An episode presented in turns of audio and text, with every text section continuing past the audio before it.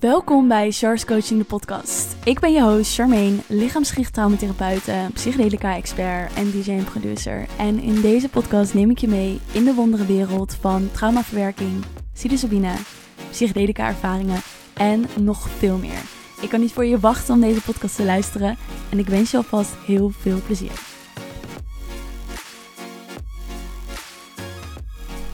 Hallo en welkom bij deze nieuwe podcastaflevering. Het is op dit moment nu kwart over elf s'avonds. Bijna kwart over elf s'avonds. En ik ben een boek aan het lezen en ik voelde gewoon heel erg aan mijn systeem dat er iets door me heen wilde komen. Een boodschap, iets van een verhaal dat ik met je wilde delen. Dus ik dacht, laat ik gewoon even mijn microfoon pakken en gewoon tegen je gaan praten en kijken wat er naar voren komt. Wat ik dus aan het doen was, was ik was een boek aan het lezen over psychedelica. En als je me volgt op Instagram, Charmaine-Lisa, dan weet je dat ik hier echt al jaren mee bezig ben en me hierin verdiep. Ik heb verschillende ervaringen zelf gehad, therapeutisch, niet-therapeutische settingen. Ik heb een conferentie gevolgd in Berlijn over psychedelica in traumatherapie en überhaupt in therapeutische settingen. En ik vind het gewoon een bizar interessant onderwerp. Wat nou iets is waarin ik mezelf in heb verdiept en dacht: hmm, dit kan een interessant concept zijn. Daarbij wil ik wel een disclaimer geven dat het geen advies is, dat het geen professioneel advies is, dat het puur mijn eigen bevinding is en mijn eigen manier van iets observeren en naar dingen kijken. Maar wel eentje waarvan ik denk dat het mensen wellicht iets kan aanzetten of helpen.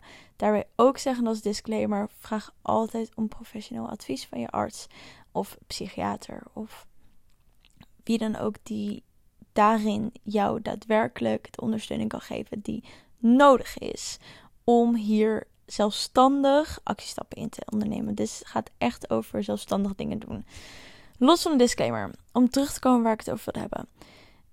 Ik ben me dus aan het verdiepen in psychedelica. Dat doe ik eigenlijk al drie jaar, maar ik praat er niet echt over. Omdat ik toch merkte dat het gewoon mijn eigen interesse was. En ik was wel zoveel andere dingen aan het doen. Maar ik voel dat dit jaar dat dit een onderwerp is wat ik meer naar voren wil gaan brengen.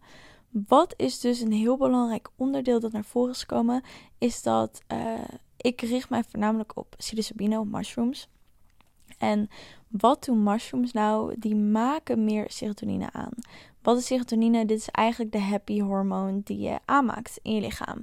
Dit is ook de reden waarom vaak mensen op andere soorten um, drugs zoals MDMA of ecstasy heel erg lekker gaan. Omdat er meer serotonine wordt aangemaakt in de hersenen. En dat zorgt ervoor dat je je gelukkig en blij voelt.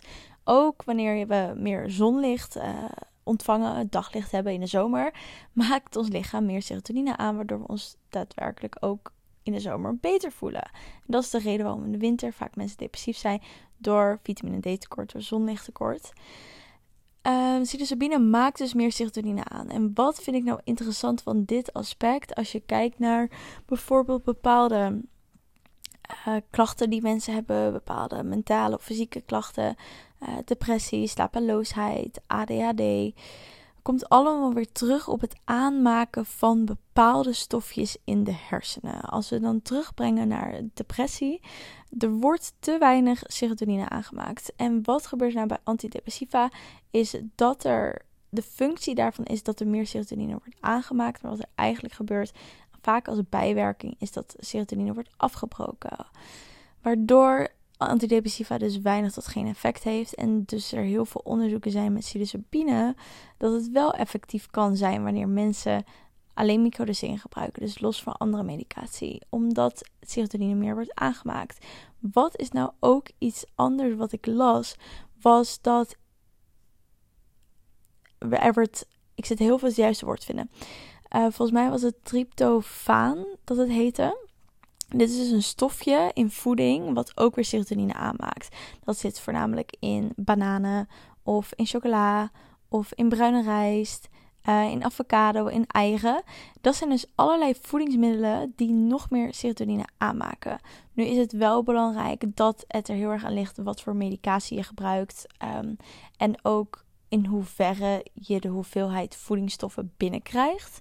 Maar het interessante is dus dat ze zeggen dat die voedingsmiddelen ook ondersteunen dat serotonine wordt aangemaakt, die happy hormoon. Wat is nou hetgene wat ik heel vaak zie bij mensen? Is dat mensen zich niet gelukkig voelen.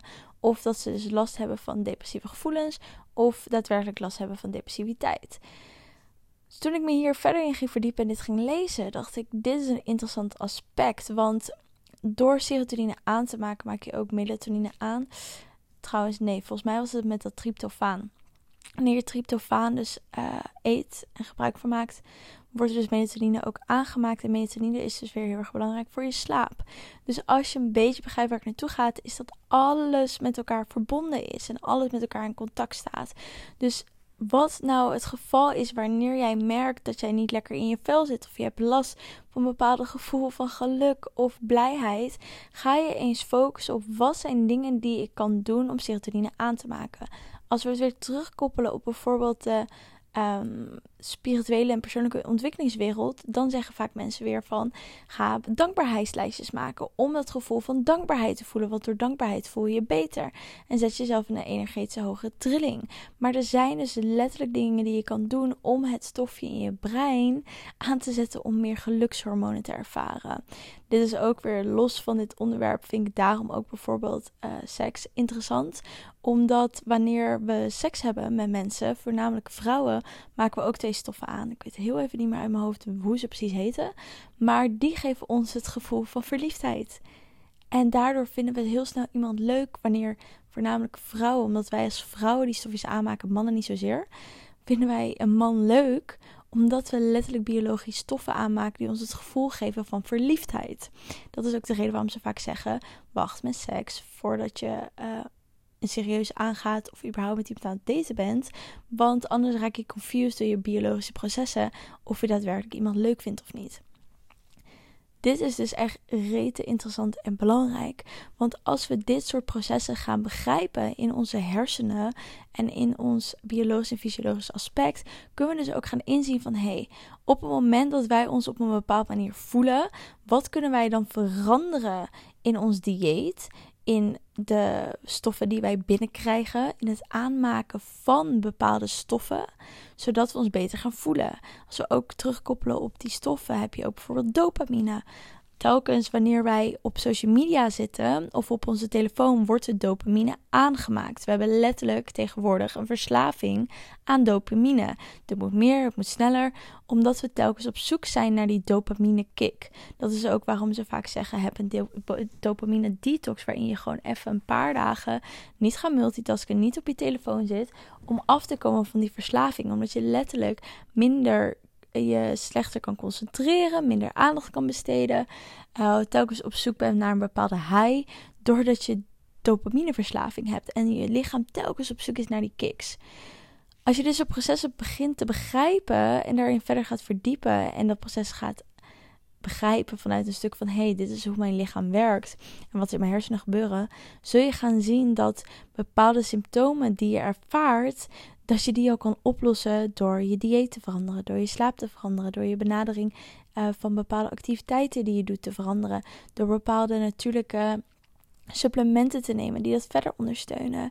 En zul je gaan zien dat als je dat al doet, dat al heel veel in proces wordt gezet.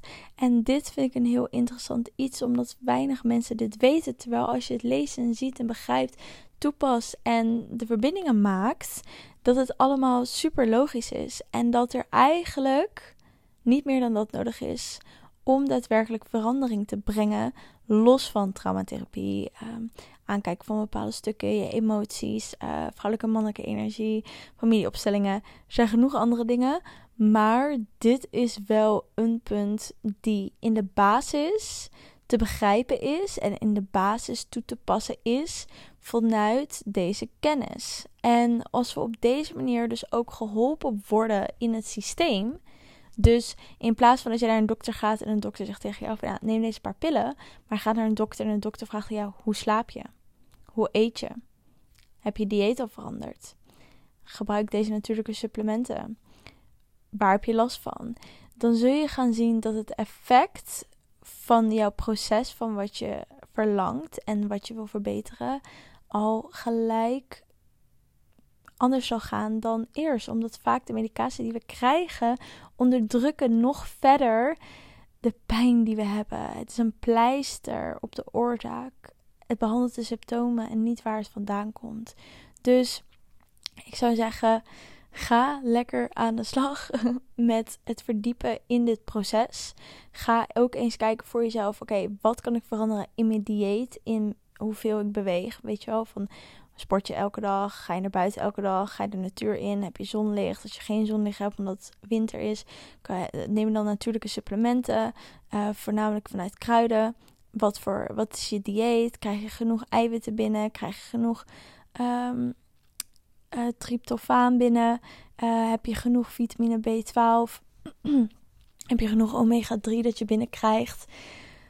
Heb je genoeg slaap? Drink je veel alcohol? Gebruik je veel drugs? Weet je, als al die dingen hebben impact op jouw mentale en fysieke gezondheid. Op het moment dat je deze dingen niet aanpakt, ja, dan krijg je last van mentale en fysieke klachten. En zullen die ook niet weggaan, omdat je de basis niet aanpakt.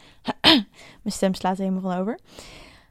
Dus heb je last van angstgedachten of paniekaanvallen of iets dergelijks? Van de basis ligt daarin en dat zit complexer in elkaar door de dingen die je hebt meegemaakt, je, je zenuwstelsel, uh, je fight-or-flight response, de trauma's, de emoties. Maar de basis kan al dingen in beweging brengen. En wanneer we mensen gaan leren en educatie gaan brengen op die basis, zul je gaan zien dat mensen gaan denken van hé. Hey, ik heb daar nog niet over nagedacht of naar gekeken. En zal er al iets in beweging worden gezet. Nou, dit was even mijn brain geratel voor vanavond. Dat ik heel graag met je wilde delen. En ik hoop dat je hier wat aan hebt. Mocht je vragen hebben, stuur me nog rustig even een bericht via Instagram. En ik spreek bij de volgende. Wat vond je van deze podcastaflevering? Laat het me weten door mij te taggen op Instagram. Charmaine-Lisa of door deze podcast een review te geven op Spotify of iTunes. Je helpt mij hiermee de podcast nog meer zichtbaar te maken en nog meer mensen te bereiken. Dankjewel voor het luisteren en tot de volgende aflevering.